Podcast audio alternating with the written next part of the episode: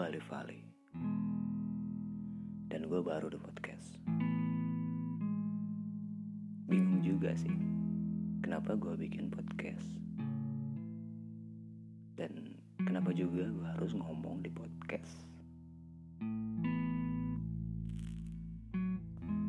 Simpelnya sih Kalaupun gue harus ngomong sama circle-circle gue yang Hey, where are you dude? I need you. I really need you. Gak ada.